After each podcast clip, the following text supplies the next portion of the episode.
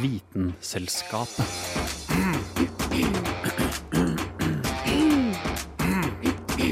Vitenselskapet. I dag skal du få høre om sensasjonen av dette som Wikipedia beskriver som høyrestak har planter, ofte med stamme med greiner, men også som kan ha flere stammer, nemlig tre. Ikke tallet, men de flotte stammene som vanligvis utgjør en skog.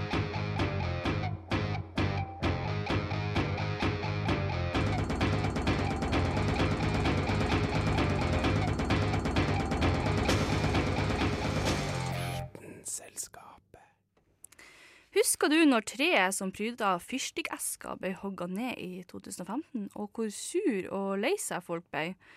Det er ikke ofte trærne skaper så mye følelser, men det skjer faktisk. De fleste forbinder jo tre med noe som, enten, som noe som enten er i veien, for sola i hagen, eller det vi fyrer i ovnen om vinteren, eller noe som det kjære fyrstikkesketreet, noe som du helst ikke vil skal felles. Hvis du har sett eh, Ringenes herre, så har du sett at eh, tre kan ha litt andre egenskaper enn å bare være i veien, eller til forbruk. De er nemlig ganske så smart. I dag er du den heldige lytter til å lære mer om tre, for det er ganske mye å lære, faktisk. Jeg heter Ida Katrine Vassbotn, og du lytter til Vitenselskapet. Vitenselskapet.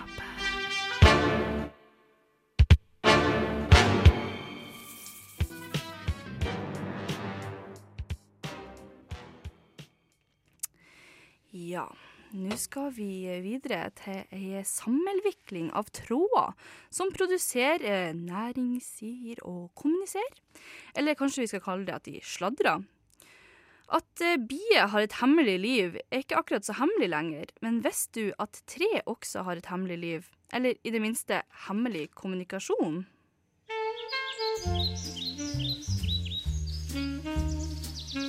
Tenk deg at du står midt inni en skog. Vind som rasler forsiktig i bladene over deg, tett med trestammer rundt deg, og under føttene dine mykt gress.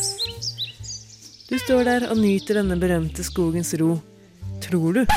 For det du ikke vet, er at rett under føttene dine foregår det en hektisk kommunikasjon. Så la oss se nærmere på det som befinner seg rett under foten din. Gress, ja, men under der Jord, røtter fra trærne rundt og et intrikat, intrikat system av sopptråder som forbinder skogen sammen i et nettverk. Trær har nemlig sitt eget internett, og du tråkker på det hver gang du går tur i skogen. Dette internettet kalles mykorrhiza og består som nevnt av sopptråder eller mycelium. Disse trådene kan spre seg ut over et stort område, og én en enkelt sopp kan faktisk dekke flere kvadratkilometer. Som enhver gigantisk nerd vil fortelle deg, den største levende organismen på jorda er ikke en blåhval, men en sopp. I tillegg til å strekke seg langt, kan disse trådene ligge så tett i tett at det kan være hundrevis av kilometer med tråder under ditt ene fotavtrykk. Det vi ser og tenker på som sopp, er faktisk en liten brøkdel av soppen, nemlig dens reproduktive organ. Så hvis du syns at det er ekkelt å kalle et egg for hønemens, kan du jo begynne å tenke på f.eks. sjampinjong som sopppenis. Vel, nok om det, og tilbake til hvordan dette nettverket fungerer. Det som skjer, er at sopptrådene vikler seg sammen med røttene til trærne og starter et symbiotisk forhold. Soppen hjelper trærne med å ta opp mer vann og næringsstoffer, som f.eks. nitrogen, og trærne sender mat tilbake til soppen i form av karbon. I tillegg gjør soppen at treets immunforsvar blir bedre. Så sopp pluss tre er tydeligvis lik sant. Men det interessante her er at andre trær kan koble seg opp til den samme soppen, eller internettet om du vil, og dermed kan trærne bruke sopptrådene til å sende ting til andre trær i det samme systemet. Trærne bruker dette aktivt eh, til å f.eks. amme sine små babytrær. For at yngre trær skal ha større sjanse for å overleve, kan nemlig modertreet sende karbon og andre næringsstoffer med soppekspressen, og på den måten hjelpe det lille treet til å vokse seg stort i en tøff skogshverdag. Nettverket kobler ikke bare sammen trær av samme art, men også andre trær. En skog består med andre ord ikke bare av individuelle trær, men er et eget samfunn av ulike planter og trær. Som i samfunn ellers er det viktig at medlemmene kan kommunisere. Å sende matpakker til hverandre er én ting, men forskere har også funnet ut at planter kan bruke nettet til å snakke sammen og advare hverandre. I et kinesisk eksperiment i 2010 brukte forskerne tomatplanter for å bevise dette. De satte to og to tomatplanter sammen og lot noen av disse parene koble seg sammen via soppsystemet. Så spraya de ett av bladene på den ene planta med en plantesykdom, og pakka planta inn i plast, slik at de var sikre på at plantene ikke snakka med hverandre over bakken. Etter 65 timer hadde den ene tomatplanta rukket å bli skikkelig syk og fæl, og det var på tide å smitte den andre. Og det var da tegnene på kommunikasjon ble tydelige. De friske plantene var mye mer motstandsdyktige enn de første, nesten som de hadde blitt advart om hva som holdt på å skje, og dermed hadde rukket å sette i gang et forsvar. Men alt er ikke bare fryd og gammen i skogen. Akkurat som i vårt samfunn finnes det også slemme aktører som bruker soppnettet til sine egne skumle hensikter. Noen planter er rett og slett tyver. De kobler seg på nettet og suger ut næringsstoffene som strømmer gjennom soppstråene, mat som egentlig skulle til andre planter. Andre saboterer for sine naboer ved å sende ut skadelige kjemikalier, litt som et internettvirus. De vil ikke konkurrere med andre planter om vannet eller sollyset, så de sørger på denne måten for at det kan bli vanskeligere for andre arter å etablere seg i området, og at naboene får problemer med å vokse seg så store som de ellers ville. En skog er med andre ord ikke så enkel som den kan virke ved første øyekast. Så neste gang du går deg en tur, kan du tenke på at rett under føttene dine foregår det en voldsom kommunikasjon mellom venneplanter, skurkeaktige blomster og mamma og tre barn.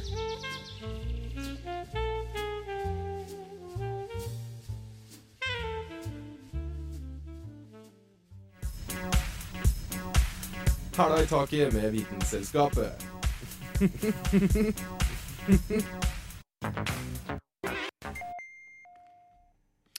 Ja, og nå skal vi faktisk ha om enda mer tre, for her i dag i Vitenselskapet så snakker vi bare om tre. Og eh, tre er jo overalt, og vi digger jo dem. Men eh, hvordan klarte de å forgrene seg, for å ikke si spre sine røtter, utover hele kloden? Her skal vi høre om et eh, bioevolusjonært ode til eh, trærne. Ah, trær. De er overalt med sine stammer, blader eller nåler, gamle og krokryggede, lange og stive, hengslete og hengete, rette og ranke eller store og tykke. Trær er som mennesker. Når de slutter å vokse i høyden, begynner de å vokse i bredden. De blir rynkete og ruglete med tiden også, og vokser ofte tregere når de blir eldre.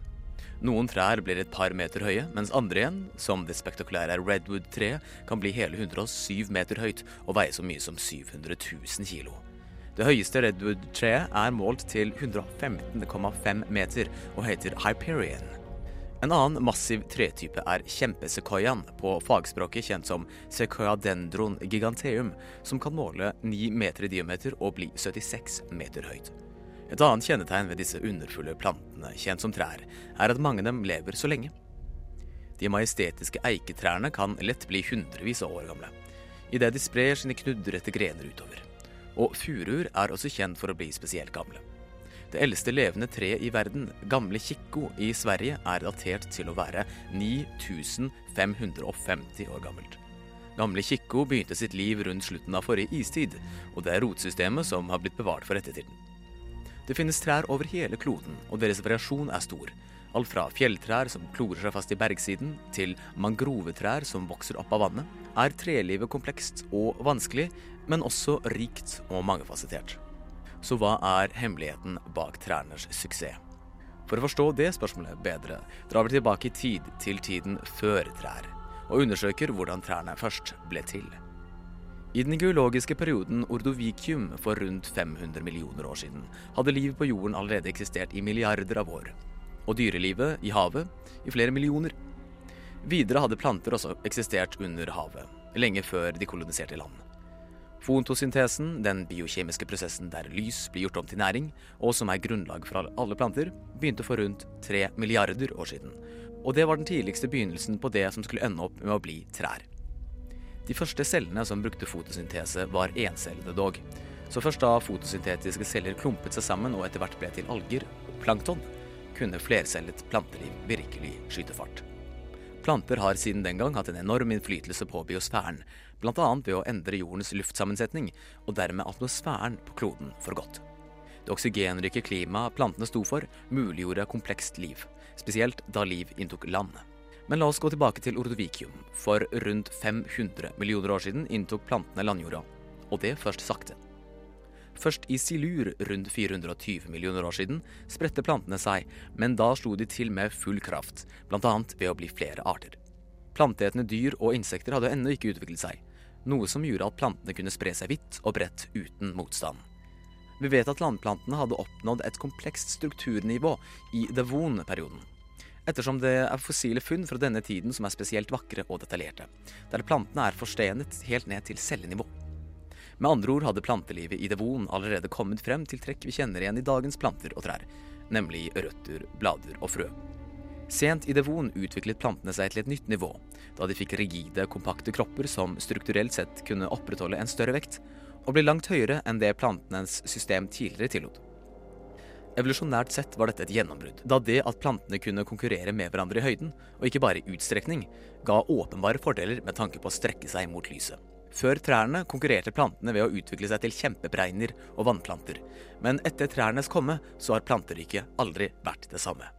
I tillegg til å kunne vokse i høyden, fikk trærne også et beskyttende lag av bark, som vernet mot planteetere, som ellers hadde forsynt seg av treets kropp men bark og stamme muliggjorde utviklingen av egne økosystemer som drar nytte av plantenes nyervervede struktur, sånn som barkebiller, maur og andre insekter som både jobber mot tre, men også med tre. Mange dyr og planter er blitt helt avhengig av trærnes eksistens. Da f.eks. de fleste artene i regnskogen lever av, på og i trærne hele sine liv.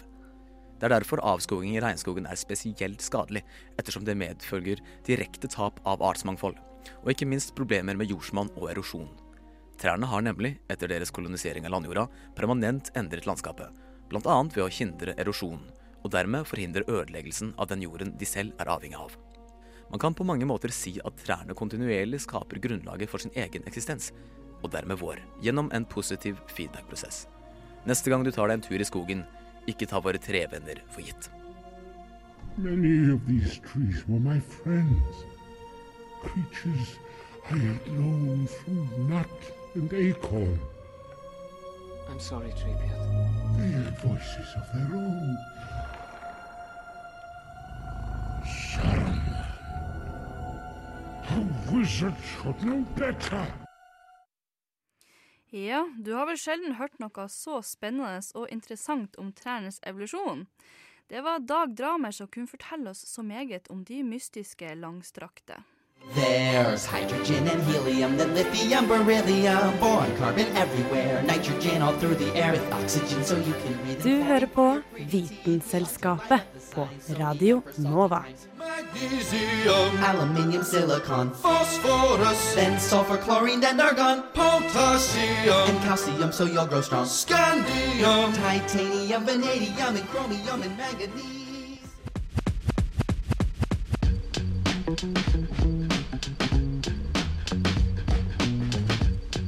Vite nytt. Det du trenger å vite. Ja, nå har jeg fått besøk her i studio av en eh, veldig kunnskapsrik, kunnskapsrik mann ved navn eh, Carl Adams eh, Kvam. Og jeg lurer litt sånn på, hva er overskriftene i dag? Hva er det du har å meddele til meg? Ja, det skjer jo støtt eh, mye rart i vitenskapsverden. Um, og i dag så har oss dessverre ikke Romnytt. Men det er noe som oss mer må presse inn i Vitenytt her. Fordi eh, det har skjedd store ting. NASA har drevet og titta ut i verdensrommet. Og vet du hva de har sett? Nei? Eller jo, jo, jeg vet. Nei, jeg vet ikke. Jeg tror, jeg håper de har sett noe levende, kanskje? Nei? Ja, potensielt. For det de har sett, er at de har funnet sju eksoplaneter som ligner på jorda. Du, sju ekstraplaneter. Men altså, ligner på jorda. Det der jeg lurer litt sånn på. Eh, Hva vil det si at det ligner på jorda? Vil det si at vi kan fære og bo der, eller at det bor noen andre der? Eh, ja, eh, eksoplaneter er da planeter som bare ikke er i vårt solsystem. Eh, disse sju er forresten rundt sommersol, tror du det? Eh, at de er som jorda, betyr at de er i samme sona relativt til sola. Så de er ikke for langt unna, sånn at det blir kaldt. De er ikke for nærme, sånn at det blir for varmt. De er der jeg akkurat passe. Så, sånn at noen kan bo der. Noen sånne som oss. Ja, noen sånne som oss. Um, det som er litt artig med den sola her, er at den er ganske ulik vår egen, for det er en dvergesol. Det er en uh, brun dverg. en, hva sa du, en brun dverg? Eh, ja. Det er, okay. det er det vitenskapelige navnet her. OK. Eh, så den er veldig, veldig mye svakere enn vår egen sol. Eh, så for å ha så må varmeforholdene, så må da planetene være desto nærmere. OK. Så de er ganske kloss innåt eh, den sola her, som heter Trappist 1, forresten, for den som var nysgjerrig. De er såpass mye nærmere at sola vil være mye, mye, mye større i himmelen. Sånn seks ganger større. I tillegg, så når du er nærmere sola, så går det mye lettere å komme rundt. Så ett år på den planeten her, på de nærmeste planetene, vil være en og en halv dag. Å, herregud, ja. Så da flyr tida virkelig. Ja, da flyr tida. Det er kanskje ikke helt sånn som vi vil ha det, men da må vi begynne å ta tid på en eh, annen måte, kanskje. Ja. Det blir noe. Det får deg til å innse at tid er egentlig bare et abstrakt begrep også funnet på. Mm. Men uh, disse sju planetene, da, de uh, kan potensielt ha liv. Og så har jeg ikke oppdaga noe liv ute i universet enda. Um, de vil nå se etter gasser i atmosfæra, blant annet metan og vann. For det kan tyde på at uh, oss har med liv å gjøre. Mm.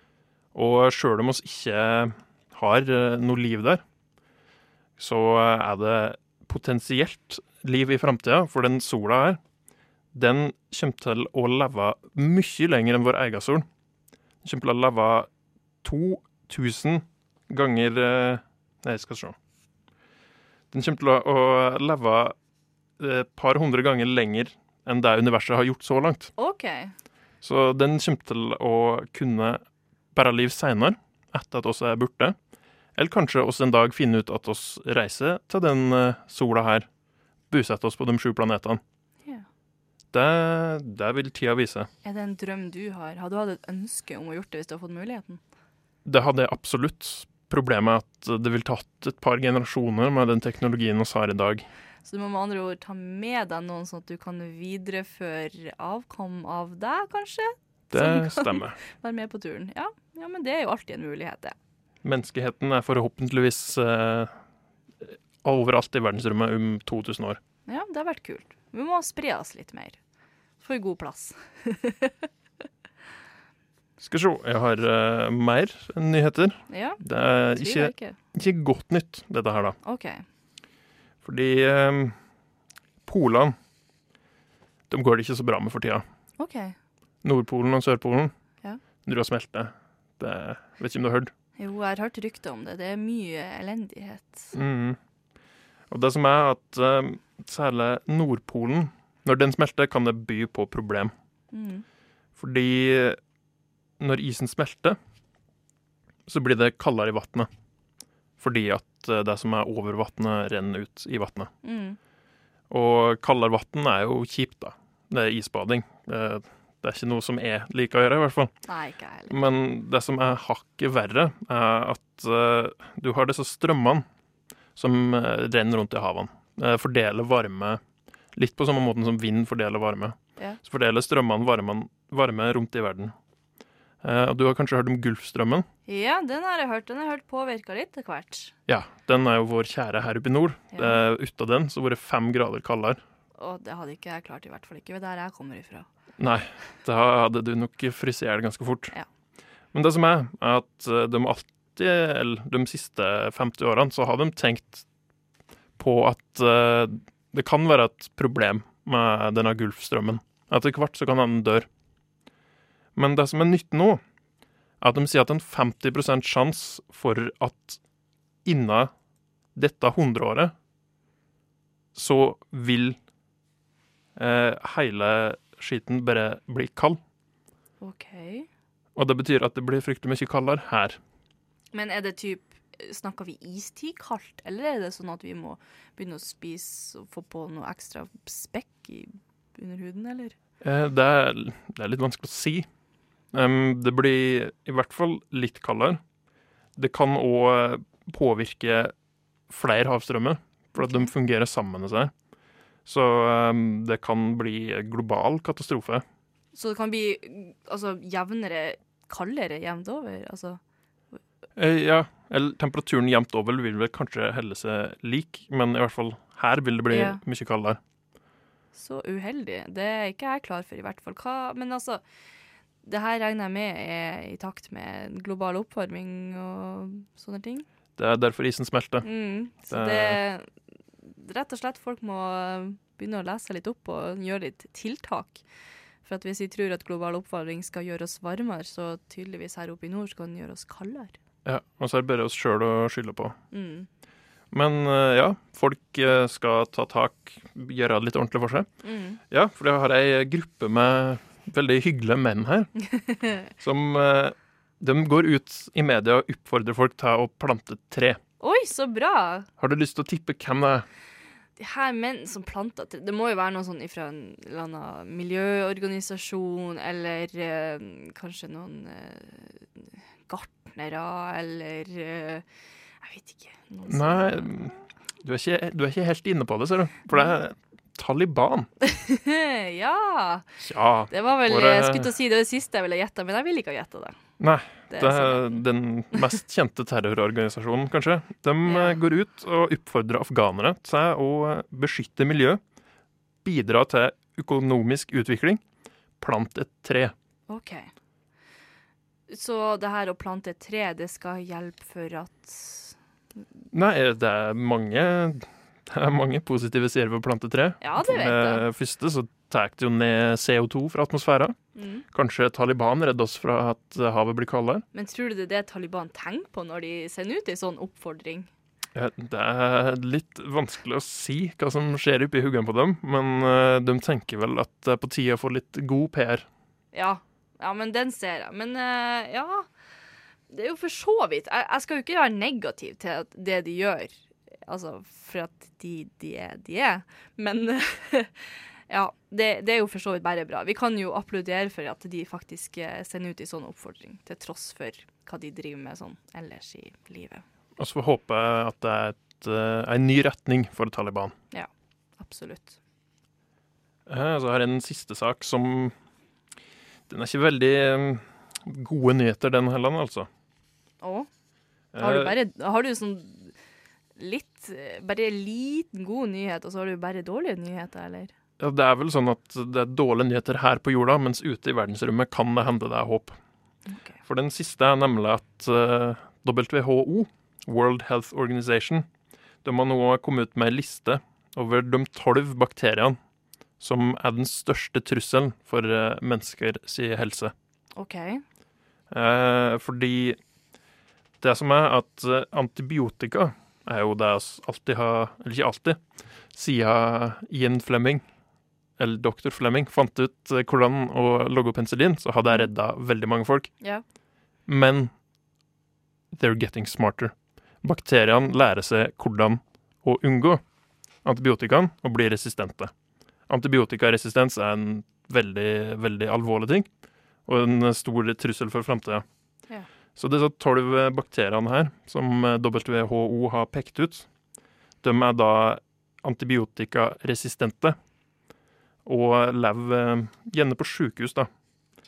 Men det, det er alskens bakterier. Jeg skal ikke prøve meg på å uttale alle her, men Nei. det er noen eh, kjente og kjære her. Du har staffelokokker, for eksempel. Og her er det forskjellige antibiotikaer som de er resistente mot. da. Den stafylokokken her er resistent mot tre forskjellige, i hvert fall. Det er ganske mye, altså. For at, så vidt jeg vet, så finnes det ikke så altså, finnes det så mange typer antibiotika. Nei, det gjør ikke det. Og så er det veldig vanskelig å utvikle nye. Ja. Så det er jo veldig skummelt, vil jeg si. Ja, altså har du en eh, kjent, om ikke så kjær, eh, bakterie her, som er salmonella. Så det er en av de tolv å passe seg for. Ja. Men eh, salmonella, altså Jeg trodde at man Må man ha antibiotika for å bli kvitt den, eller Nei, du trenger ikke antibiotika for å bli kvitt noe som helst, men hvis det er ille nok, så Ja. takler ikke kroppen det og trenger litt hjelp utafra. Så de som er syke fra før av, eller eldre, eller kanskje barn, er det de som er mest kritiske for. Det er jo det som gjelder som oftest i sånne situasjoner. Det stemmer. Men eh, tusen takk for at du kom. Yes. Så skal vi gå videre. Vite vet Vitenselskapet.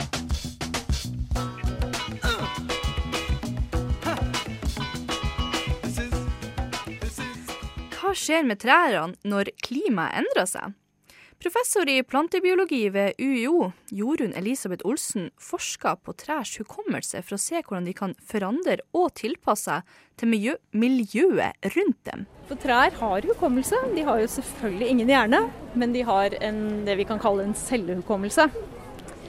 Og historien bak det er sånn at i sin tid så eh, ville man dyrke frø av grantrær nordfra og høyt over havet. Man ville dyrke fram frøene i sør, fordi at frøene modna ikke alltid i nord. Så man lagde en sånn podinger som man flytta sørover, og så så man at det avkommet ble mindre frostheidig, mindre frosttolerant enn det som ble, hvor frøene ble, kom fram i nord. Så det var den første begynnelsen for ca. 25 år siden. Og så har man gjort forsøk. Man har klart etter hvert å lage genetisk identiske frø. Planter som er genetisk identiske, 12 år gamle grantrær, hvor frøene er danna enten ved 18 grader eller 28 grader i et eksperiment. Og da vises, viser det seg at de får forskjellige klimatilpasningsegenskaper, selv om disse trærne er egentlig enegga tvillinger.